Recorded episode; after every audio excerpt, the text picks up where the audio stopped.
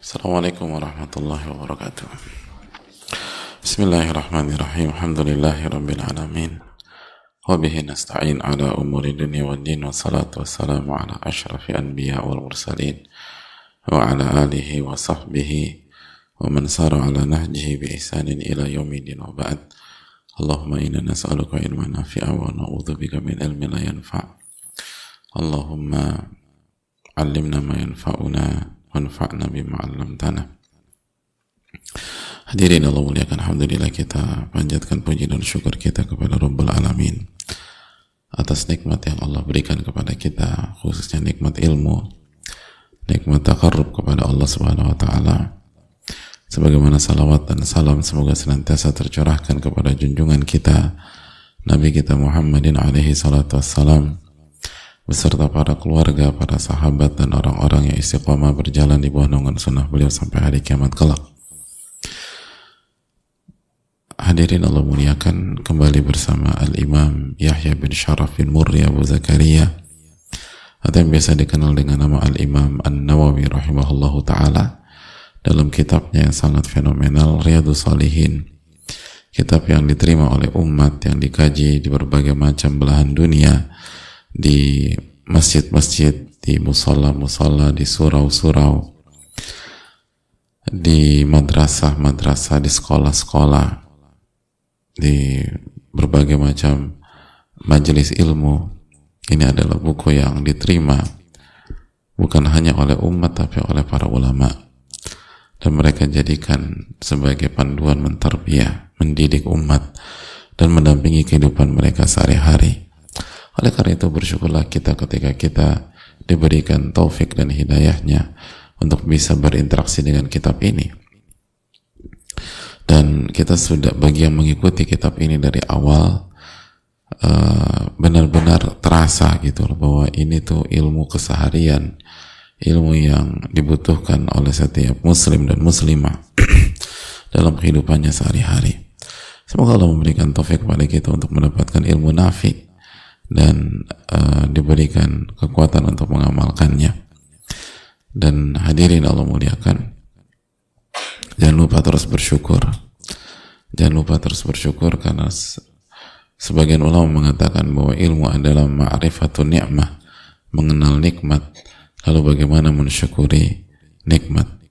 Oleh karena itu ilmu dan bersyukur sebuah dua hal yang tidak bisa dipisahkan Hadirin Allah muliakan sebagaimana salawat dan salam semoga senantiasa tercurahkan kepada junjungan kita Nabi kita Muhammadin alaihi salatu wassalam beserta para keluarga, para sahabat dan orang-orang yang istiqomah berjalan di bawah naungan sunnah beliau sampai hari kiamat kelak. Kita akan masuk ke dalil yang ketiga atau hadis yang pertama dari bab an-nafaqah 'alal iyal, menafkahi iyal, menafkahi istri, lalu keluarga, lalu milkul yamin jika di masanya. Dan hadis yang pertama adalah hadis Abu Hurairah. Al Imam An Nawawi rahimahullah taala rahmatan wasi'ah. Semoga Allah merahmati beliau dengan rahmat yang luas. Beliau menyampaikan wa an Abi Hurairah radhiyallahu taala an qala qala Rasulullah sallallahu alaihi wasallam dinarun anfaqtahu fi sabilillah wa dinarun anfaqtahu fi raqabah wa dinarun tasaddaqta bihi ala miskin wa dinarun anfaqtahu ala ahlik a'zamuha ajra alladhi anfaqtahu ala ahlik. Satu dinar yang kau infakkan di jalan Allah satu dinar yang kau uh, infakkan untuk seorang budak dan satu dinar yang kau berikan kepada fakir miskin dan satu dinar yang kau berikan kepada keluargamu yang paling besar pahalanya di sisi Allah adalah yang engkau infakkan dan engkau nafkahkan untuk keluargamu. Ini luar biasa. Hadis surat Imam Muslim. Dinarun anfaqtahu fi sabilillah. Satu dinar yang kau berikan di jalan Allah. Wa dinarun anfaqtahu fi raqabah. Dan satu dinar yang kau berikan kepada budak atau hamba sahaya wa dinarun anfaqtahu eh, wa dinarun tasaddaqta bihi alal miskin.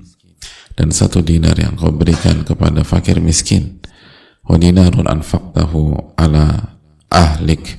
Dan satu dinar yang kau berikan kepada keluarga kepada istri a'zamuha ajra yang paling besar pahalanya adalah engkau berikan kepada istri atau keluarga. Hadis sahih Imam Muslim hadirin Allah muliakan uh, hadis yang mulia ini menjelaskan kepada kita bahwa yang pertama keutamaan menafkahi keluarga keutamaan menafkahi istri keutamaan menafkahi anak-anak dengan dengan sangat gamblang dengan sangat jelas. Nabi SAW perlihatkan itu kepada kita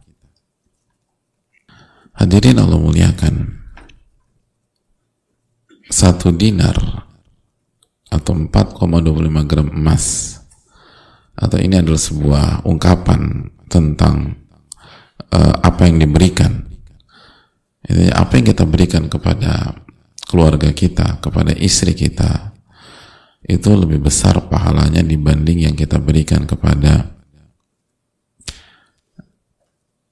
fakir miskin, kepada uh, hamba sahaya, bahkan kepada visabilillah. Visabilillah dijelaskan oleh para fukoha sebagaimana dijelaskan para ahli tafsir bahwa maksudnya adalah jalan yang membuat kita sampai kepada Allah secara umum dan fisabilillah artinya di jalan Allah. Itu semua hal yang membuat kita menuju Allah subhanahu wa ta'ala. Hadirin Allah muliakan. Jadi uh, sekali lagi bahwa ini hal yang perlu kita uh, camkan bersama-sama menunjukkan bahwa pahala memberikan nafkah itu sangat sangat besar. Memberikan nafkah itu sangat besar. Itu yang pertama. Yang kedua penyebab mengapa memberikan nafkah kepada istri dan keluarga sangat besar? Jawabannya karena memberikan nafkah kepada istri hukumnya wajib, fardu ain. Adapun yang lain hukumnya kalau tidak fardu kifayah maka sunnah sebagaimana dijelaskan oleh para ulama jadi memberikan kepada fakir miskin bukan fardu ain. Fisabilillah pun bukan fardu ain. Fardu kifayah. Tapi memberikan nafkah kepada istri, kepada keluarga, hukumnya fardu ain. Maka yang fardu ain lebih tinggi daripada fardu kifayah. Lebih besar pahalanya daripada fardu kifayah, apalagi sunnah.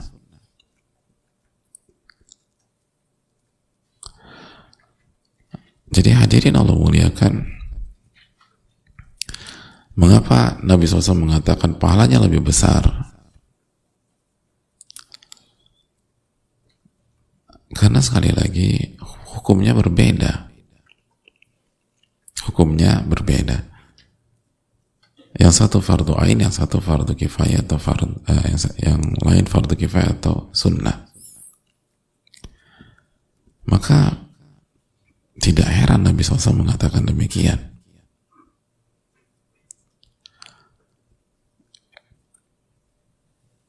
Dan ini yang ditekankan oleh Nabi kita SAW. Pelajaran yang berikutnya, hadirin Allah muliakan, bahwa syaitan memberikan talbisnya, syaitan memberikan kerancuan ke banyak kita.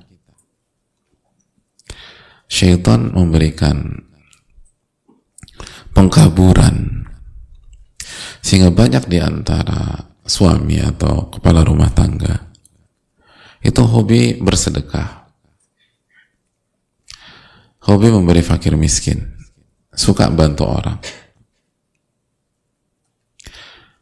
Tapi mereka nggak menafkahi istri dan keluarga. Atau pelit sama istri dan keluarga. Pelit sama istri dan anak-anak. Atau bahkan nggak memberikan sama sekali. Tapi kalau ada itu, bantu. Ada kontak infak dimasukkan. Ada orang yang susah dikasih. Dari sisi memberikan kepada fakir miskin bagus, tapi dari sisi kerangka berpikir ini sebuah kesalahan dan ini jebakan syaitan. Kita diperintah, kita dibuat semangat mengerjakan hal yang sunnah, lalu kita dibuat lupa terhadap kewajiban fardu ain kita. Makanya Al-Hafidh Ibnu Hajar salah satu ulama Syafi'i pernah mengatakan Salah satu ulama madhab syafi'i mengatakan bahwa man syagalahul fardu ani nafli fahuwa ma'zur barang siapa yang sibuk mengerjakan hal yang wajib sehingga ia tidak sempat mengerjakan hal yang sunnah maka dia dimaafkan. Dia ada uzur. Dia di, di apa sebuah sikap yang tepat sudah benar. Kalau nggak sanggup. Waman syagalahu naflu anil fardi fahuwa magrur. Dan barang siapa yang sibuk mengerjakan hal yang sunnah sehingga dia lupa mengerjakan hal yang wajib sehingga ia tidak sempat mengerjakan hal yang wajib sehingga dia terlalaikan dari hal yang wajib maka magrur maka dia ditipu. Dia diperdaya oleh siapa? Oleh syaitan jadi orang yang sibuk mengerjakan salat sunnah tapi nggak salat subuh nggak salat zuhur nggak salat maghrib maka dia ditipu sama syaitan. Walaupun sholat duhanya luar biasa walaupun sholat rawatibnya sambil nangis dia ditipu sama syaitan. Barang siapa yang hobi berinfak bersedekah ngebantu orang tapi dia nggak memberikan nafkah kepada istri dan anak-anak maka ia ditipu oleh syaitan itu dijelaskan oleh para ulama. Hadirin Allah muliakan. Bahkan para ulama mengatakan bahwa orang yang yang hanya hanya punya misal hanya punya uang yang cukup hanya cukup hanya cukup untuk menafkahi istrinya maka dia nggak boleh gunakan uang itu untuk memberikan kepada fakir miskin atau sedekah-sedekah sunnah yang lain Bukan karena tidak menyayangi fakir miskin, harus kita sayang sama fakir miskin. Tapi ini menundukkan, menundukkan, mendudukkan hukum. Yang satu fardu ain, yang satu fardu kifayah atau sunnah. Dan insya Allah fakir miskin bisa masuk melalui teman kita. Kita bicara sama teman kita, bisa nggak anda bantu fulan? Dia lagi susah Ya bisa jadi kita nggak, jangan jangan diam saja, bicara, bisa nggak? Kita bicara sama yang jadi bantu tapi bukan dengan uang. Tapi misalnya apa memberikan uh, apa mengajak orang. Kalau punya kelebihan, tapi kalau dia nggak punya kelebihan, dia nggak boleh sedekah. Dia harus kasih istrinya. Kalau uang itu hanya cukup untuk nafkah, ini dijelaskan oleh para ulama di antaranya Al-Imam Al-Khattabi. Jadi orang yang bersedekah dengan uang yang hanya cukup untuk istri dan anak-anak, maka dikhawatirkan pahalanya berubah jadi dosa. Berubah jadi dosa. Kenapa? Karena dia melalaikan keluarga menjadi tanggung jawabnya yang jadi fardu ainnya walaupun penampakannya kayaknya apa namanya dermawan dan lain sebagainya anda sia-siakan keluarga anda anda berdosa makanya bahasa al-khattabi rahimahullah fayanqalibu dhalikal ajru ithma idha anta dhayya'tahum itu pahala bisa berubah jadi dosa Kenapa? Karena Anda sia-siakan istri Anda. Anda sia-siakan anak-anak Anda. oleh karena itu ini hal yang perlu kita camkan banyak orang berpikir memberikan nafkah kepada istri nggak ada pahalanya hanya beban hanya tekanan keliru. Ini pahala yang sangat besar. Pahala fardu ain. Dan yang paling Allah cintai adalah amalan yang wajib. Wa ma taqarraba ilayya 'abdi bi syai'in ahabbu ilayya mimma aftaratu Allah berfirman dalam hadits qudsi. Dan tidak ada satupun hal yang digunakan untuk bertakarub kepada diriku yang lebih aku cintai dibanding amalan yang aku wajibkan kepada dia. Dan di antara amalan yang diwajibkan adalah memberikan nafkah kepada istri dan anak-anak. Dan yang terakhir hadirin Allah muliakan hadis ini menunjukkan kepada kita bahwa bagaimana Islam menjaga hak wanita dan anak-anak. Betapa Islam itu memuliakan wanita dan anak-anak. Bagaimana Islam mendudukkan wanita sangat tinggi memberikan nafkah kepada wanita atau istri itu pahalanya lebih besar daripada visabilillah yang lain. Visabilillah yang lain. Bayangkan hadir sekalian makanya ulama mengatakan gak ada yang yang lebih memuliakan wanita dibanding pencipta wanita Allah tabaraka wa ta'ala. Gak ada yang lebih mengangkat derajat martabat wanita dibanding Robnya subhanahu wa ta'ala. Melalui agamanya. Bayangkan memberikan nafkah kepada istri dan anak? Itu kedudukannya lebih tinggi daripada visabilillah yang lain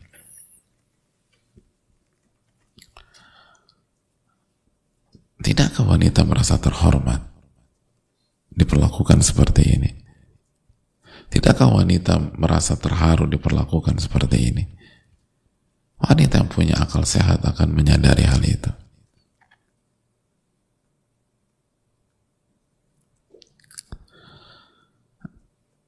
Dan mana konsep-konsep yang lain?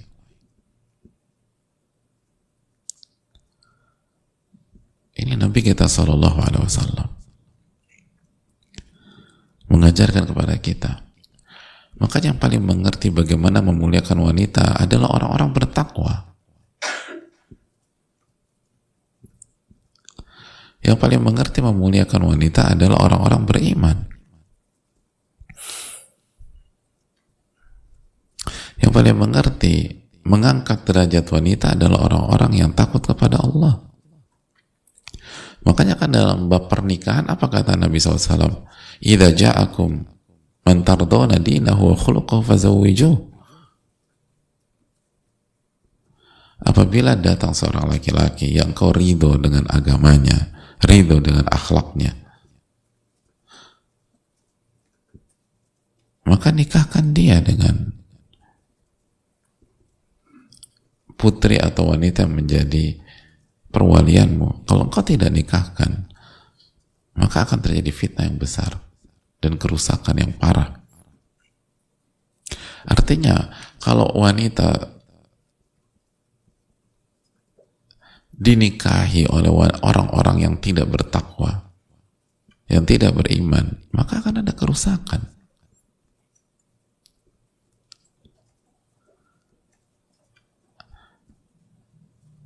Bukan hadis ini bukan berarti setiap orang yang datang langsung karena kita lihat baik agamanya langsung dinikahkan dengan putri kita nggak juga. Karena seluruh hadis tentang pernikahan harus digabungkan. Harus ada rasa harus ada sisi-sisi lain.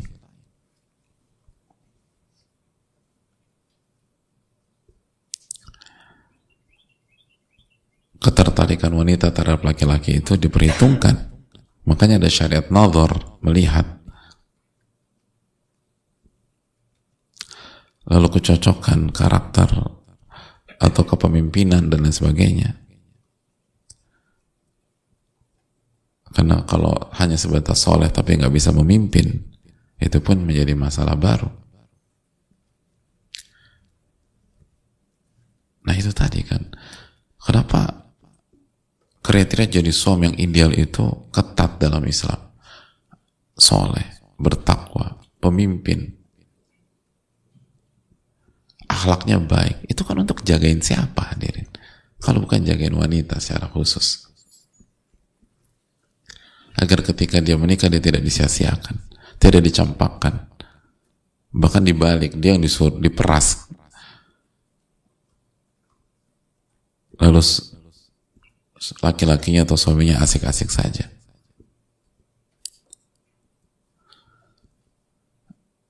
Sebagian orang hanya melihat, kok ribet banget? Oh itu bukan ribet.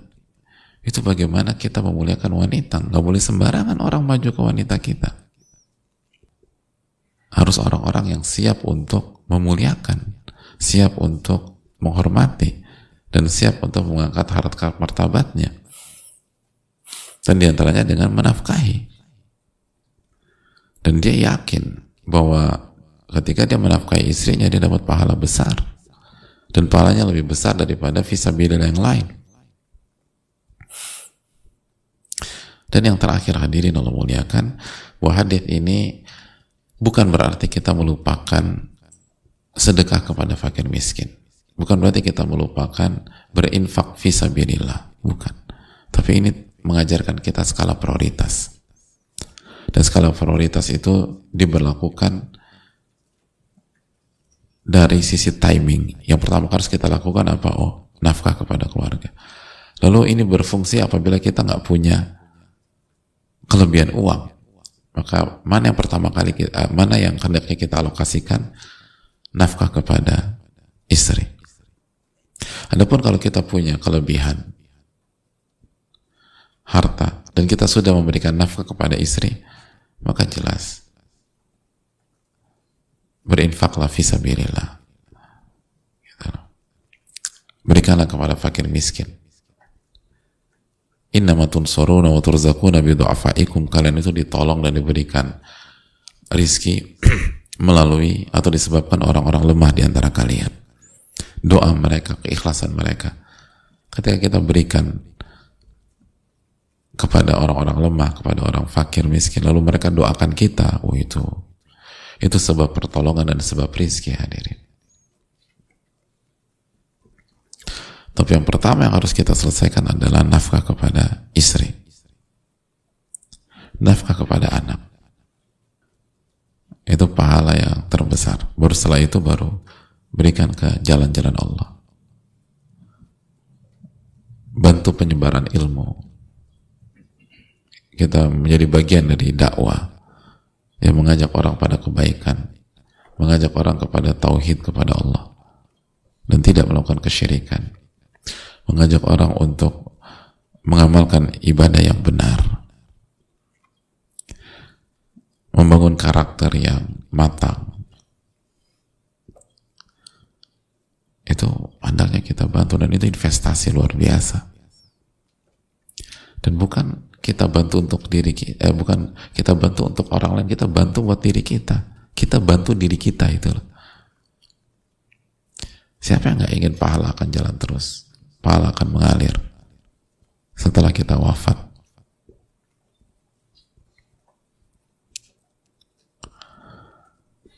Tapi semua ada timing. Yang pertama kali nafkahi istri dan anak-anak dulu. Sebelum kita bicara yang lain Lalu setelah jangan lupakan fakir miskin, jangan lupakan anak yatim, jangan lupakan orang-orang susah. Jangan lupakan orang-orang jompo misalnya.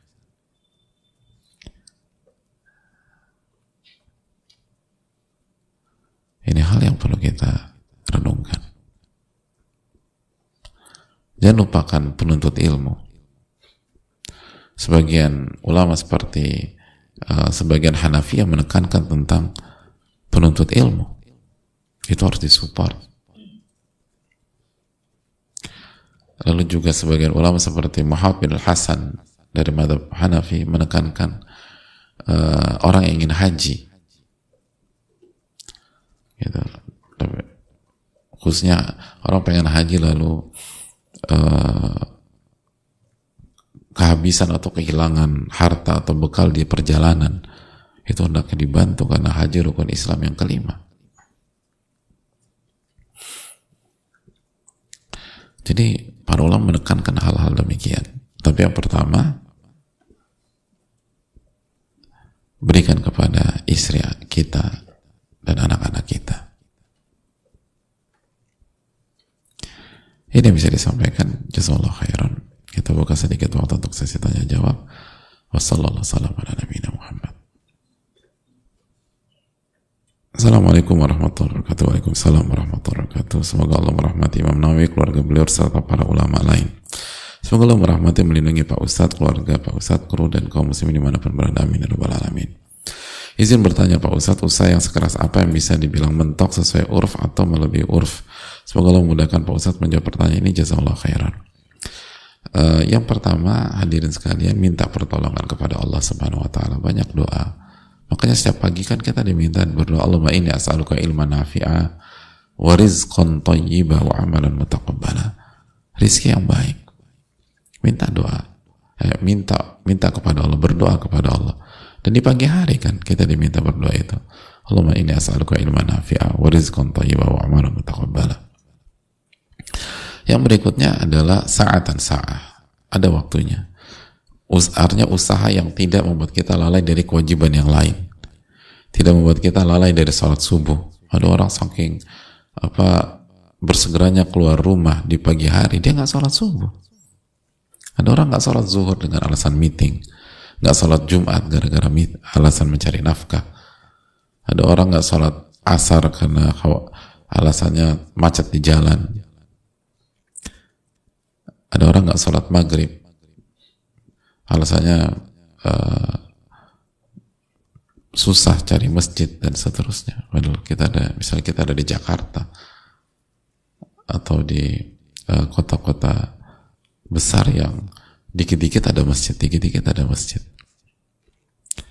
Jadi saat dan saat ada waktunya kita cari nafkah, ada waktunya kita mengerjakan kewajiban yang lain.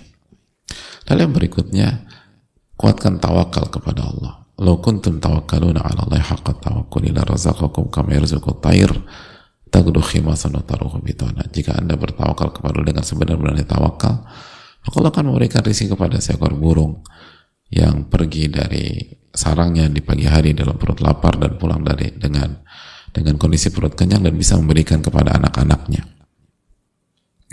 Jadi nggak sampai 12 jam kita akan dapat. Lalu secara sesuai secara uruf secara urf kan kita tahu uh, urf uh, orang kaya beda dengan middle class, beda dengan penengah dan beda dengan orang miskin. Kita anggap saja paling minim orang miskin gitu ya, orang yang uh, di bawah. Uruf kita apa sih kalau nafkah di bawah? Tetapkan aja ke misalnya makanan, makanan yang penting makan tiga kali sehari. Orang kalau di bawah apa menunya? Nasi apa? Tempe emang orang miskin. Enak loh tempe. Oh, zen itu tempe.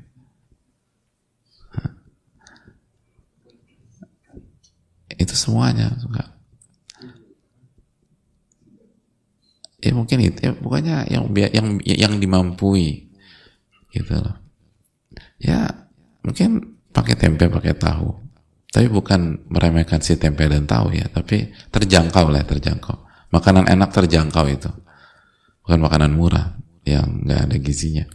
Tapi makanan enak bergizi protein nabati terjangkau. Terus apa lagi? Hah? kan itu kan terus eh, telur telur oke okay. atau enggak ya? Terus pakaian pakaian? Pakaian kalau rumah apa? Kontrakan yang petak ya kontrakan yang petak itu urus kita. Jadi bukan harus beli rumah tapi bisa ngontrak di rumah petak udah oke. Okay. uh, dan enak ada apa uh, kalau tempat duduk lesehan tikar gitu kan atau kar karpet gitu tapi enak tikar terus uh, tempat tidur matras ya matras nggak ya nggak pakai king coil lah mungkin. Pakai urf kita ya urf kita. Pakai matras atau pakai nggak pakai ini. Kasur Palembang. Ya. Jadi ya kira-kira itulah. Kalau udah ya, alhamdulillah. Lalu kita bersyukur. Lalu kita berusaha lebih ini. Kalau kita bersyukur nanti Allah tambah Allah taala alam misal tapi itu poin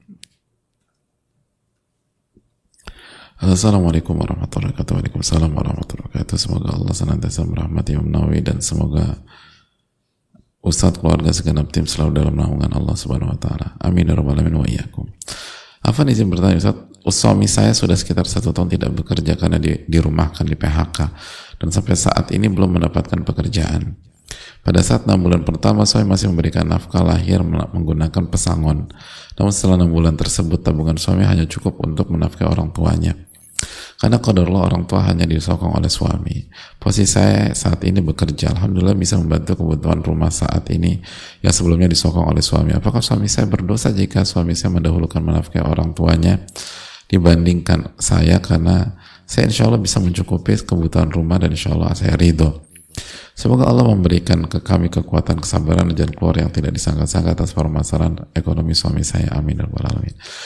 Uh, kembali kita uh, apa namanya kita ingatkan. Yang pertama semoga Allah memberikan solusi kepada penanya dan seluruh uh, keluarga atau rumah tangga yang sedang punya kesulitan baik materi maupun non materi amin. Ya alamin.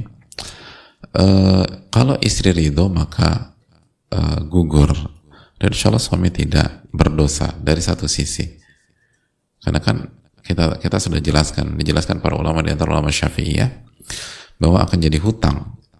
Kalau tidak nafkah itu kalau nggak dikasih akan jadi hutang. Nah kalau jadi uh, dan hutang bisa digugurkan dengan keriduan pihak yang punya hak uang tersebut. Namun dari satu sisi sekali lagi suami tidak boleh memanfaatkan kebaikan istrinya tersebut. Jangan me, apa meng, uh, mencari keuntungan dari keuntungan pribadi dan hawa nafsu dari istrinya tersebut. Sebagai suami, yang pertama hendaknya dia bersungguh-sungguh dan dia bersyukur punya istri seperti itu. Jadi ibadahnya harus semakin kuat. Lalu tawakalnya harus semakin kuat dan ikhtiarnya harus semakin kuat. Dan insya Allah kalau tawakal kuat dan ikhtiarnya bagus, maka insya Allah Allah akan kasih rezeki. Ingat nggak sampai 12 jam.